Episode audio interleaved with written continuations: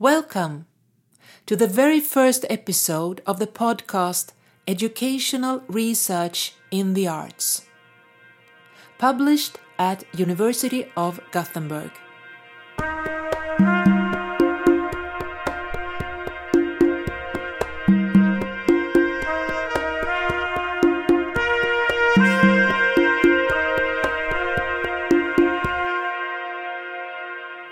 In this series, we will meet researchers and practitioners in the vast field of arts education.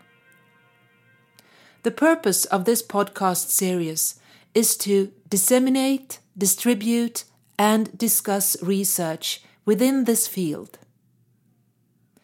If you want to learn more about the research platform labeled with the same name and functioning as a basis for the podcast series, please take a look under Research on the Faculty of Fine, Applied and Performing Arts at the University of Gothenburg.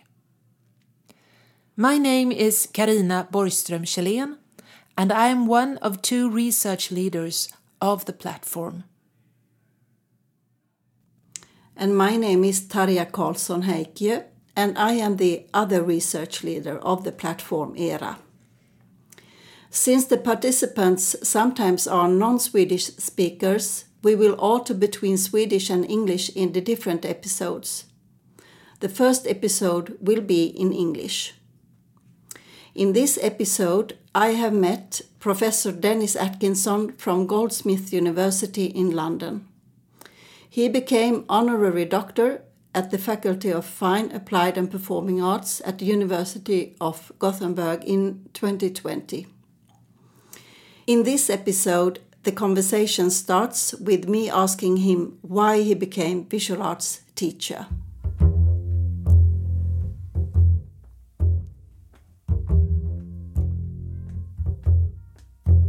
Uh, I think that's that's not an easy question to answer. I know that when I was at school, I was always interested in art, and uh, it was the one subject that I loved. I went to a um, it's interesting. When I was uh, 11 in, in the 1950s, we had to sit an exam in, in schools, which was called the 11 plus. And if you passed the 11 plus, you went to the grammar school, the local grammar school. And if you failed it, you went to the local secondary school.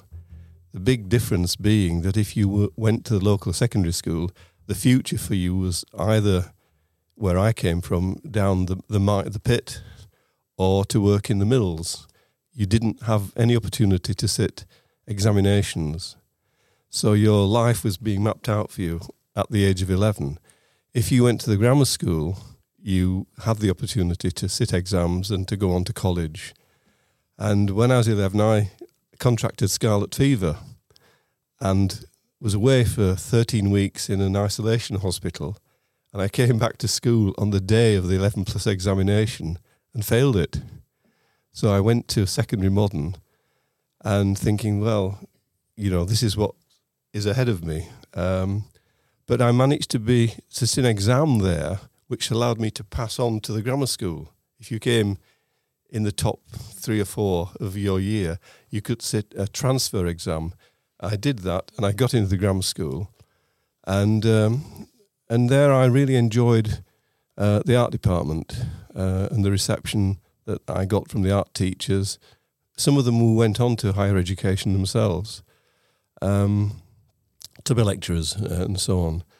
And I remember, you know, having the opportunity later in, in that school to go out into the community and just make paintings and to draw uh, and have the freedom to go and do that and not just attend lessons. So it was a very relaxed kind of atmosphere. Um, and then I thought, well, I really enjoy this. I I want to go to art college, so I, I applied to art college um, and got into a. In those days, you had to do a foundation course, which was a one year course, and then you had to apply for a degree course. Um, and I I wanted to do the art course, but I also felt I want to teach. I'd like to do artwork with children. Um, and at the end of the foundation course, I couldn't get onto a degree, um, which was annoying. and so uh, I had to leave. And then I got a place at a teacher education uh, college in Yorkshire called Bretton Hall, which specialised in music, the arts, painting, drawing, and drama. And I had a really interesting three years there uh, and spent uh, each year working in schools, uh, learning how to be a, become a teacher.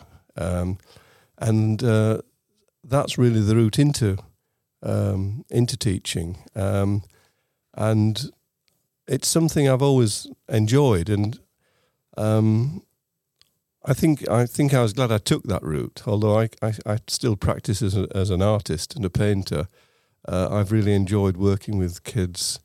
Um, I spent twenty years in secondary schools uh, before I went to, into um, to Goldsmiths to work as a, a lecturer there in teacher in teacher Yeah. education. What was the most fun uh, about working with children? Uh, um, well, it, in a sense, I think it's to do with the the, the, the ingenuity that you find uh, in the responses that they, they make to what you're you're initiating. Um, I mean, when I started teaching in Batley in, in Yorkshire, um, which was a boys' school, um, there were 400 boys um, from India or Pakistan, and they didn't have much language, much English. They spoke they spoke Urdu or Gujarati, and when they were when they when they came into the school, they were put into classes together, and they were taught mainly by their Gujarati speaking, Urdu speaking teachers. But for practical subjects such as art and sport and uh, woodwork, metalwork, those kind of subjects, they went to the English teachers. And so I, I was confronted with uh, 35, 36 boys who didn't speak hardly any English and had to teach them art.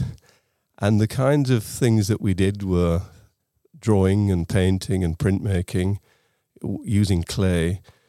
But the drawings were the things that fascinated me because at that time in the early 70s, if we, we one of the practices common was to do observational drawing uh, around objects and th- that kind of thing. But the drawings they produced were things that I found out of my depth. I couldn't really respond to, to the way that they were making drawings of these objects. And I learnt a lot about that from that in terms of the kind of presuppositions one has as, as a teacher relating to one's own background, one's training, and then meeting something which is quite strange. I knew about Indian um, paintings, I'd seen them in galleries and, and so on and so forth, but I hadn't met this situation of having to teach children from that con- those countries um, um, because I wasn't really armed with the kind of skills I didn't think in order to respond effectively to them. So it was a case of muddling through. Um, in, but in a, a latent sense, I learnt the, the the challenge that that presented kind of manifested itself in terms of then how do how does one respond generally to people who make drawings, not not to not, not necessarily to the to these boys, but to to the uh, if you like the the indigenous population who were making drawings and the kind of different things that are emerging from them. So it opened up my eyes to, in a in a latent sense, to to that kind of challenge, um, and that's always stayed with me. That that experience. I don't think I realised how important it was at the time, because you were in the middle of things and having to exist as a teacher, trying to cope with the the difficulties and so on. Uh, but looking back, um, I think it was a, a seminal kind of experience. Yeah. Uh, do you think that um, this was one of the crucial uh, things that led to your uh, thinking about becoming a researcher? Also, what what what circumstances led uh, to you becoming or wanted to become uh, a researcher in visual arts education? Um, well, one of the things that that um, that happened was that when I was teaching in secondary schools, I did I didn't have a degree, uh, and in order to make progress uh, in teaching, if you like, if you to, to become a head of department or to to to, to gain promotion, uh, a degree seemed to be necessary, um, and I decided that I would do that. Um, and so, to cut a long story short, I, I applied for a, a, a, a master's. I, I don't have a first degree, and but I, I did apply for a what, what was called a Bachelor of Education degree, part time at a local uh, training college, teacher training college. But I found the whole thing very boring. Uh, it consisted of me attending uh, twi- uh, for two evenings a week, three hour sessions where someone just read from books and portfolios about, uh, you know, the, t- the topics. And it was very boring. Um, and then I found that the u- local university in Southampton ran a master's in education. Uh, and I went to speak to a couple of people in the faculty and said, Look, I don't have a first degree, but is it possible for me to apply? Um, I've been doing this BA, BEd, sorry, which I wasn't really happy with. Um, and the person I s- spoke to, one of the lecturers, said, Well, write me a letter and tell me why you want to do this. Um, and he said, spent some time thinking about this, about a thousand words, please. and so I did. Um, and I wrote the letter. I was then asked to go for an interview.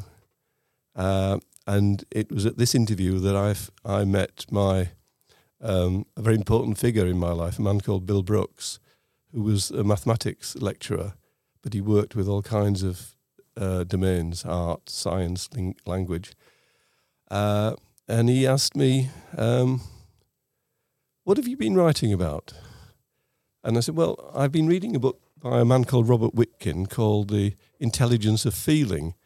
And I'm really interested in how the fact that art is a, is a subject in which one can develop one's feelings and one's sensitivity. And I remember him getting up from his chair and said, walking around the room and said, Well, I developed my feelings by making wine. And I just, I just burst out laughing. I thought, this is very interesting. Uh, and we had a really interesting conversation.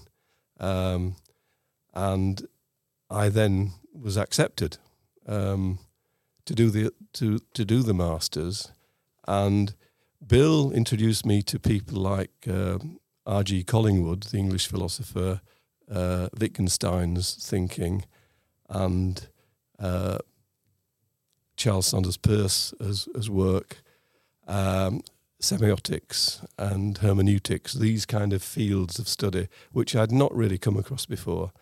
And it fascinated me. Um, and I remem- remember particularly being taken up by the, this uh, the semiotics and hermeneutics writing that I'd been been looking at, and it and it's the, the this kind of process of reading and engaging with these ideas, and I found I was able to apply them to my classroom situations in you know the semiotics of drawing, the the hermeneutics involved in how one interprets a drawing. These were very important um, ideas for me, and it helped you know, if I project forward, they, they were fundamental for me uh, to, uh, in terms of opening up the way that we can interpret children's work and students' work uh, away from the kind of normalizing discourses that perpetuate education and and some research in education. Um, for instance, the, you know the the, the stages of development by Piaget was very influential in the 60s and 70s and, and, and, and on into the 80s. But I never really found them very helpful as a discourse uh, because they really didn't tell me when I was looking at a drawing. They may, they may say something about its structure, but they said nothing to me about meaning and the, the, the semantics of practice. Um, and working with these ideas from hermeneutics and semiotics helped to unpack and, and explore these areas uh, in more detail on a very local basis. So, you know, how is this draw- drawing operating for this child in this encounter? Um, and that's the kind of those are the, the kind of experiences I had working with Bill and the, the endless conversations with him in the pub, um, in his house. Um, I'm going to be upset. yeah, yeah. he was It's very, okay. he's very, it was very important for you. Yeah.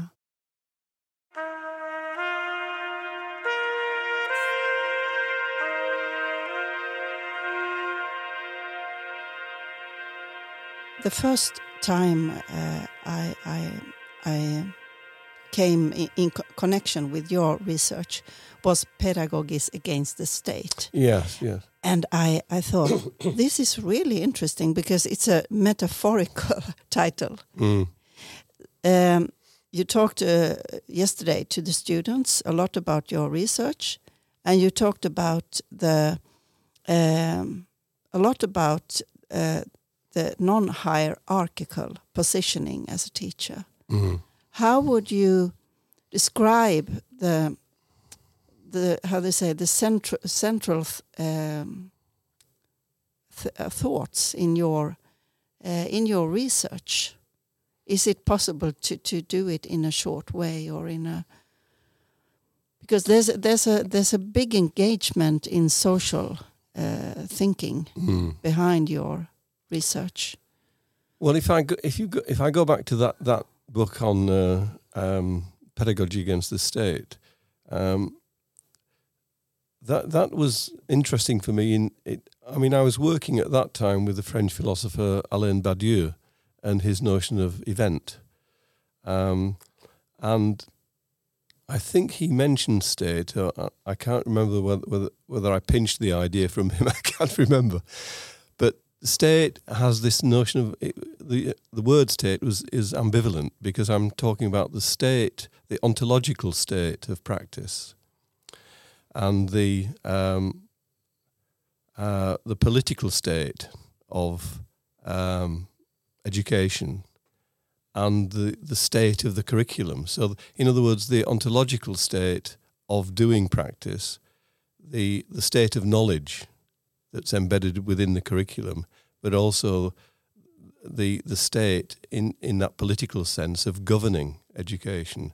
So pedagogies against the state was to do with trying to work with ideas that were sympathetic to the ontological states of, of becoming through art practice, but also um, trying to be vigilant towards the states of knowledge that try to control practice and the political states that try to control practice. Um, and that, um, I think that's something which I've, um, I mean, in those, in, in that book, I was using these terms, but I think th- those ideas have been kind of permeating through the work I've been doing over the last 10, 15 years. Yeah. Um, and l- yesterday, when we were doing the talks, you know, this notion from the French philosopher Michel Serres, his notion of uh, umbilical thinking, which I think he he takes from Leibniz. Uh, his one of some of his, his early work on Leibniz, I think, is very fundamental to his thinking.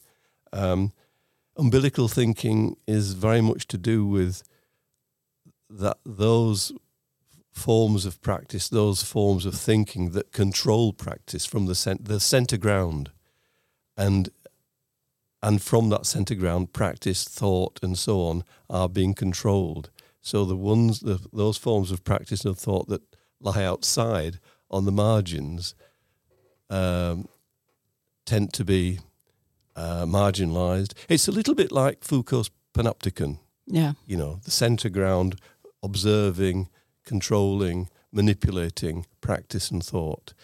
Uh, and I, and Serres, Sarah's, Serres talks about this, I think, in terms of this notion of umbilical thought, umbilical practices. And I think, I suppose, pedagogy against the state was a, a way of trying to cut through this um, and to try to open up um, when you're working with, with individuals like children and students, they will produce work which sometimes conform to your expectations, but sometimes they don't. And it's opening up that ground of exploring what's happening. And in doing that, that expands the, the idea of pedagogic practice. Yeah. So ped- pedagogy against the state, umbilical thinking are all about, it seems to me, of keeping things open, uh, of you know the notion of there's it's always more than what's happening, Yeah. and there are more possibilities um, emerging with which we have to try to dis- deal with and respond in a way that's in particularly in education in a way that's supportive and convivial. There is also a very strong uh, criticism in your in your uh, research against uh, the state of the education, for instance, in in your own country or Mm. in the European educational field. Mm. Uh, and the, and you're also very interested in uh, inclusion and diversity, and you're combining your thoughts also with a kind of political, educational political uh, statement. Mm. Could you talk a little bit more about that? Well, I mean, in in England, which obviously that's that's my background, we we've gone through a, a period, the last two or three decades, where um, education has moved much more towards being controlled by what we might call economic ambition, economic interests. So those subjects on the curriculum, such as the STEM subjects, are in a sense given priority. Um, priority of uh, f- of resources uh, and so on, and the arts have suffered. Um, so that there, in my country, less time is spent on teaching art and design. Um, funding for art and design um, is less, uh, and we know that in, in my country that the the government are thinking, uh, if not if not at the, at the moment doing cutting funding for arts programs in universities uh, and um, questioning the value of art, uh, liberal arts programs, uh, and what they do for the country, viewed through this notion of um, economic rationality, the, this kind of neoliberal uh, rationality, which we've been subject to for for the last couple of decades, if not longer. And so this is having a, a, a, a strong effect upon education because if we think if we think about this control by this kind of ideology, then pedagogized subjectivities, sorry, sorry, uh, subjectivities in education become pedagogized along these lines, um, and it's the you know the, the, the direction is towards economic uh, interest, uh, promoting notions of individualism, um, uh, uh, you know, um, competition. Um, wh- whereas on the other hand, I think I'm I'm more interested in seeing education from fr- from the angle or the position of of uh, civic values, civic ideals, um, notions of conviviality, um, which uh, uh, which encourage you know a, a social working together. Um, I'm not saying that economic interests are unimportant. Of course they are, but I don't think they should be totalising the the uh, the educational domain. I think we have to think uh, more, and we're losing sight of this. I think more about this notion of conviviality, uh, of civic values, of living together, um, and I think the arts can play a, a, a strong role in that. Exactly. Um, actually, we have the same situation in Sweden because uh, the political uh, decisions has been ambivalent Mm. uh, towards the uh, uh, towards arts education for a long time, and the political decisions also research has shown that uh, it goes from the other side to the other. The the other streak is about civic education, and the other streak is about seeing children and young people as uh, parts of a market world mm. where they Mm. become something to have a profession to Yeah. be productive Mm. in society and so on. I mean, that's right. Yeah. Yeah. So we have the same situation.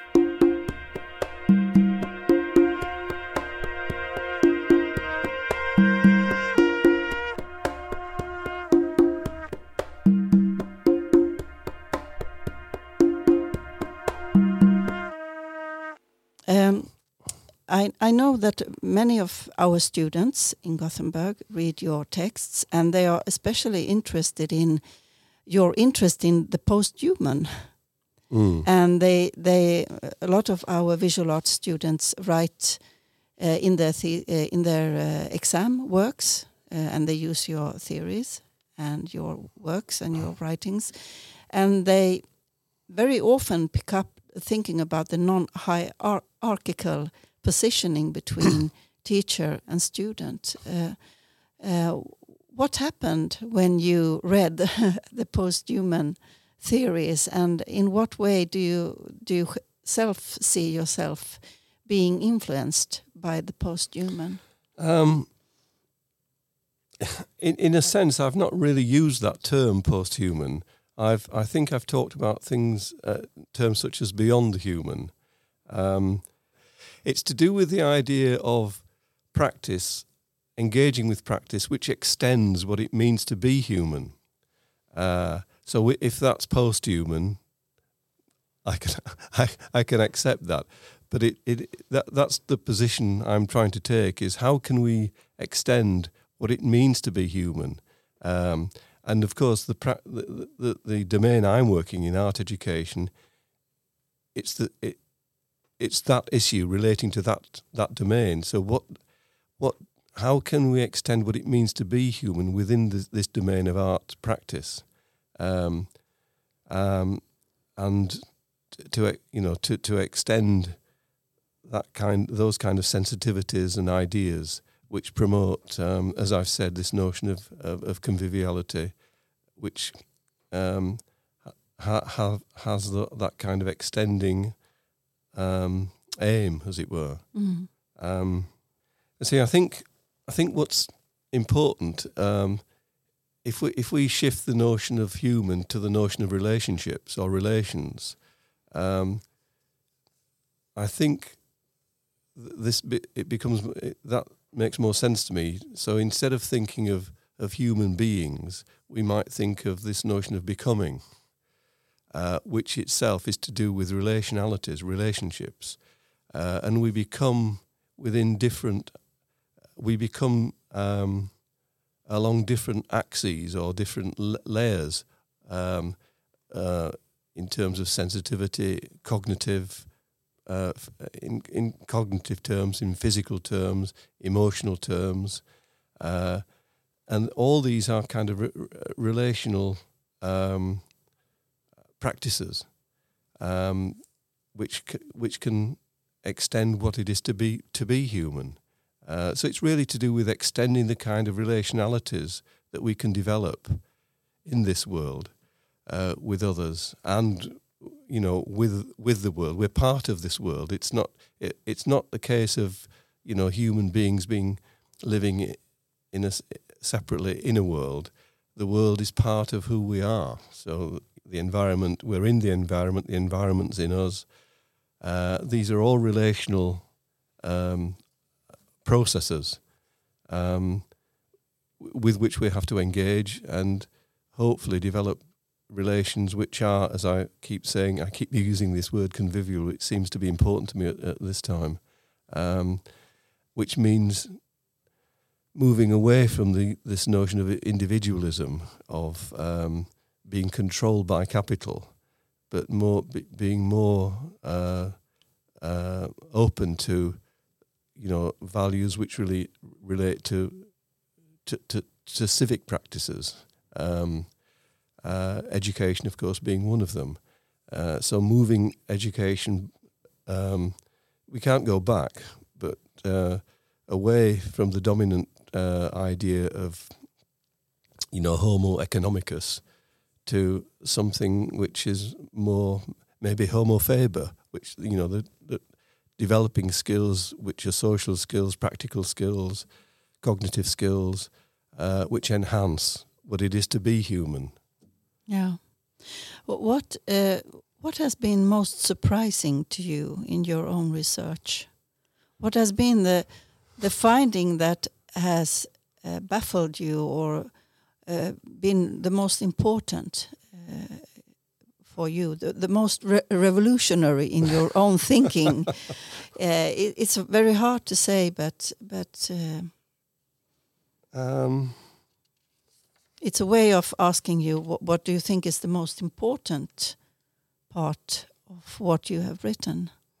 Is it the conviviality or the relationships? well, or, uh, uh, it's it's different. The, the the the notion of importance is again a relational problem, a relational issue, and you know, as one changes and moves on, um, I mean, there is a constancy in terms of wanting to think and engage with the debate around art education and art practice. I think, I mean, obviously that's always been constant, but the ideas that emerge in that um, inquiry, that process of inquiry, will change. So we've already talked about things like pedagogy against the state. At the moment, I'm trying to engage with this notion of a pedagogy of taking care, um, which seems very important to me at this time, and it's to do it's to do with the idea not just of caring for people, which is important, but also uh, so ha- having also having a care uh, for the kind of frameworks, the concepts, the practices which uh, inform your practice. So care, having an, a care in terms of a, an eternal vigilance towards um, one's framework of understanding, one's framework of practice, so that it doesn't uh, impose upon uh, the practice of others.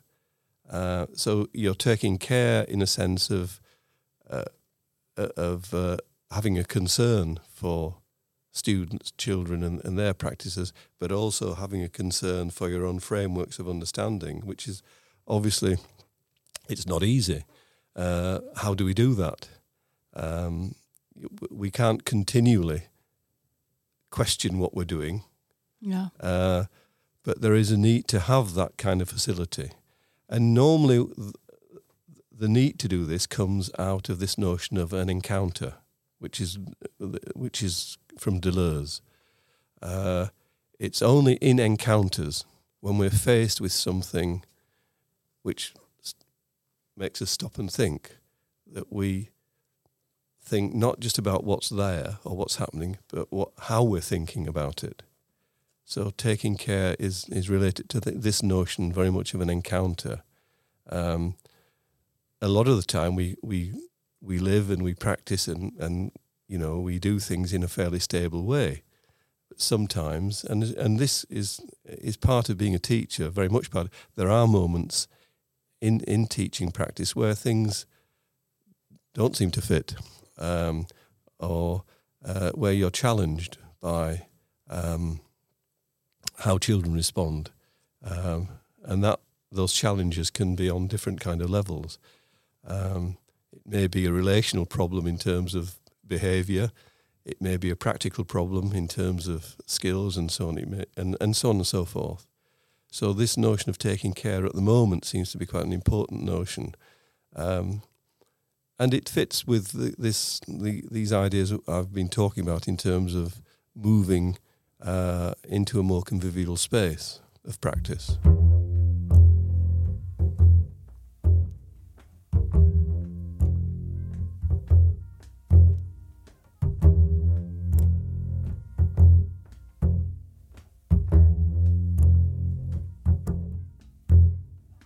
I read into, or you say it very clearly in your in your research that you see uh, art as a space that could be very important for our society. So, if you could decide uh, and look into the future, what would be your wish concerning art's position in society? What what role do art uh, have in soci- in a future good society for children and youth? Well, I, th- I think, I mean, there, th- this has been talked about by people much brighter uh, than I am. Uh, but I mean, I remember uh, reading, you know, people like D.H. Lawrence who talks about the artist. Uh, I think he was talking about the poet in that case. You know, we li- he talks about he uses this metaphor of an umbrella that we create. Um, I can't remember the, the word he uses. Um, it was in, I talked about it yesterday. Um, a firmament, sorry, the umbrella which creates a firmament under which we live. Uh, but the poet, the artist, is someone who makes a slit in that firmament, and in making that slit, opens up new possibilities, new ways of seeing, new ways of thinking, which could have an effect. It doesn't always, and it may not have an effect upon how we think, but sometimes it does happen. But we can also apply that to people like scientists, to mathematicians, who are constantly making, if you like, tears or rents in our uh, ways of existing, our practices and ways of thinking, in order to extend practice, to extend thinking. So I think art, going back to your question, has that, has always had that kind of facility. Um, I think, uh, although it's probably stronger in in recent times, uh, and this this in a sense takes me on to asking the question. Um, you know, when we think about an art degree, what does that consist of today? Um, what kind of practices do art students engage in today? Um, you know, you and when you try to answer that question, you you're faced with. It seems to me they're engaging with a plurality of practices. Art practice has kind of exploded uh, in many ways through the last century uh, and into this century. Uh, so it when one uh, sees some uh, so-called art practices in galleries or in the in, in the environment, it's the question is you know what is what actually is art because art is being used in so many different ways. It's incorporating so many different practices.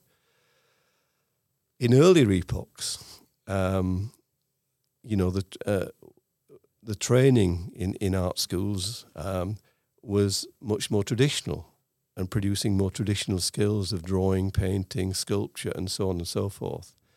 Um, and that obviously had an influence upon what was going on in schools. But when we think, as I say, when we think of uh, today, that's not the case today. Uh, so if you think about the kind of practices that artists are engaged in and and uh, practices that are happening in art colleges and universities, how does this relate to what's happening in schools? And how and how how is this? Can this affect um, what we call art education in schools, so that um, our children, our students, can engage in a way um, using using this plurality um, to make sense, to make some kind of uh, to you know to understand to engage with their world through practice. Um, I'm not sure that I'm making myself very clear here. Yes, you are making um, yourself clear. But it, it's to do with this notion of that there's a transversality across practices. You know, artists are learning from scientists, and you know they're engaging with other ideas from, say, mathematics or geography or other areas of culture to to to, to implement in their work. So, can we have a? Is it possible? Do we want a system in in schools where that kind of transversality is functioning to allow our students, you know, to function in, in the world in which we live. Um, are the the silos of subjects, mathematics, science, art, geography, history, are those kind of silos which we've had for well over a century now still relevant um, for the kind of world that we are we exist in today? Um, could we think of uh, ways of developing educational practices that um, cater for the kind of transversality that's happening, uh, and and in doing that, uh, allow st- students to develop skills which are more relevant to their world.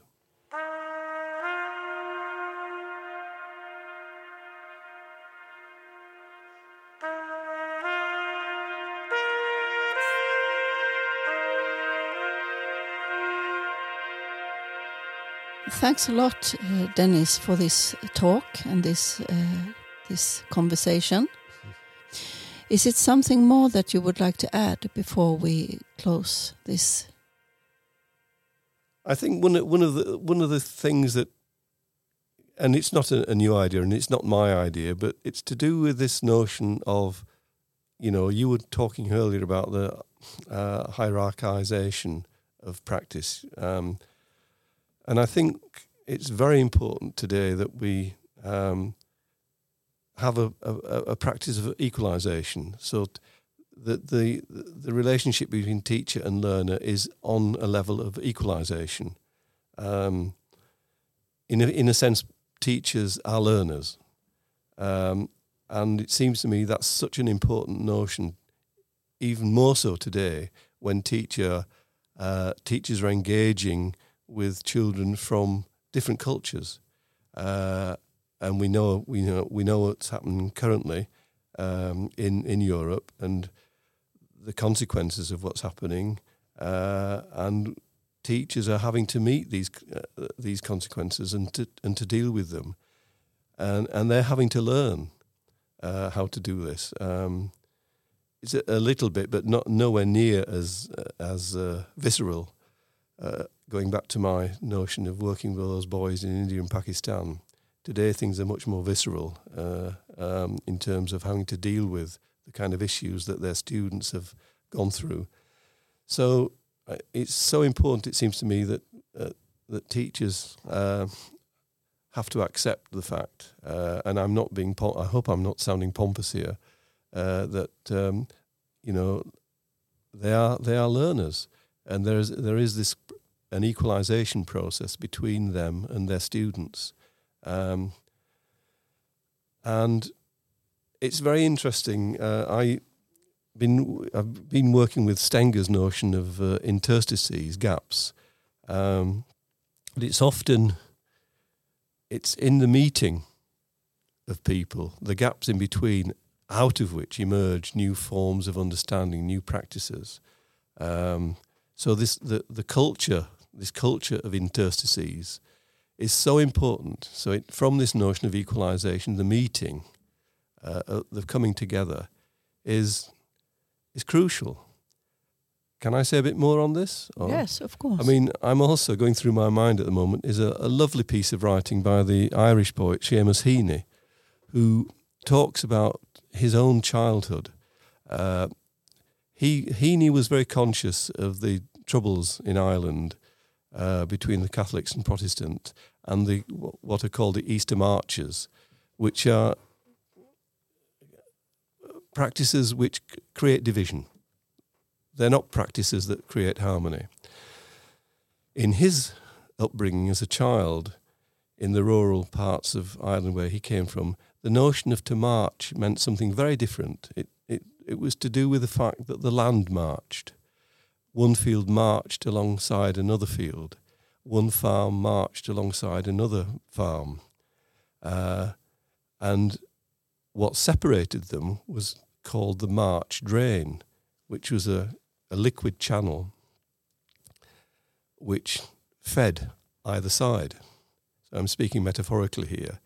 So, and it's this this interstitial channel between where people rubbed up against each other that creates the potential and the possibility and the nourishment for people to live together, but to live differently. So, divergence is very, very important here, um, and it's it's to do with a, a divergence of convivial, a convivial divergence. So people living together, rubbing up together, disagreeing, agreeing, uh, but allowing each other to exist.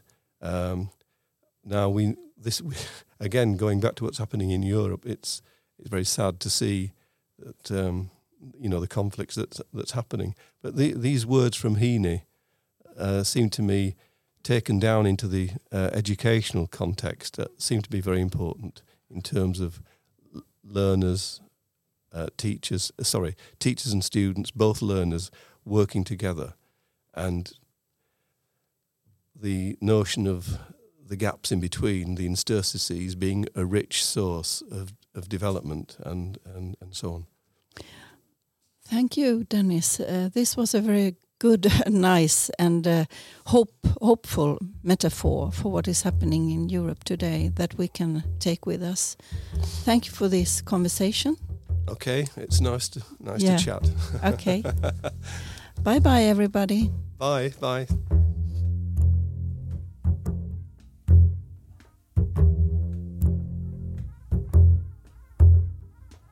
You have just heard the first episode of the podcast Educational Research in the Arts with Professor and Honorary Dr. Dennis Atkinson, interviewed by Tarja Karlsson Häikiö. In the forthcoming episode, we will meet Kristina Ekström and Joel Speerstra. Both are researchers at the Academy of Music and Drama at the University of Gothenburg. In the episode, they will talk about pedagogical aspects of their research projects in music.